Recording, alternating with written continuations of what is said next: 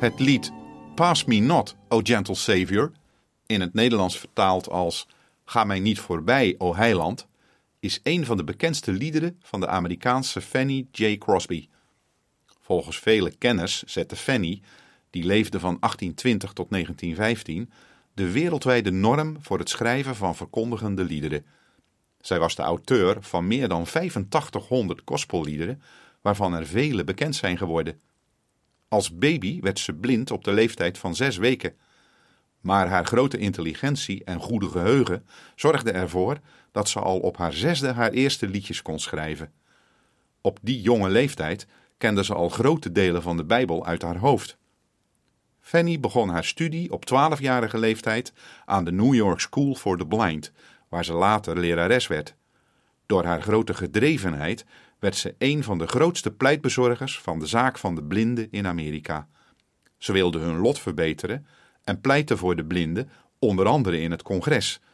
Door dat te doen leerde ze veel politici kennen en werd vrienden met verschillende presidenten.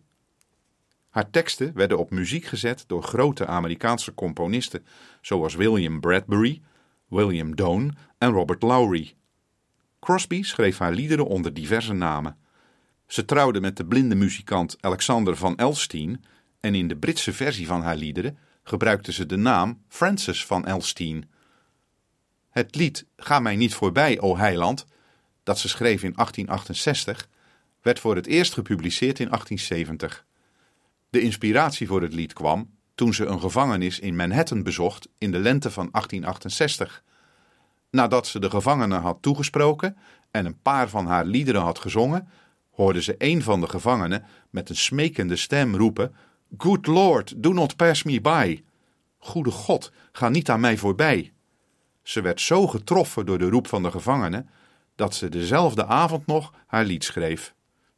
Het kreeg internationale bekendheid toen het in Londen gezongen werd tijdens een evangelisatiecampagne van Dwight L. Moody en Ira Sankey.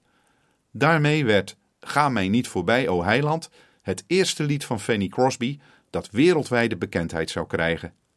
De jammerklacht van de gevangenen in Manhattan deed haar denken aan Matthäus 20, vers 30 tot 34, waar beschreven wordt hoe Jezus stilstaat bij twee blinden.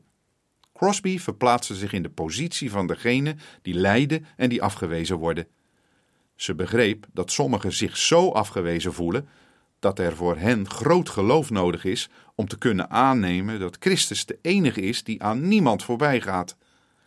De tekst in Matthäus 20, vers 30 tot 34 luidt als volgt: En zie, twee blinden die aan de weg zaten, riepen toen zij hoorden dat Jezus voorbij ging: Heere, zoon van David, ontferm u over ons.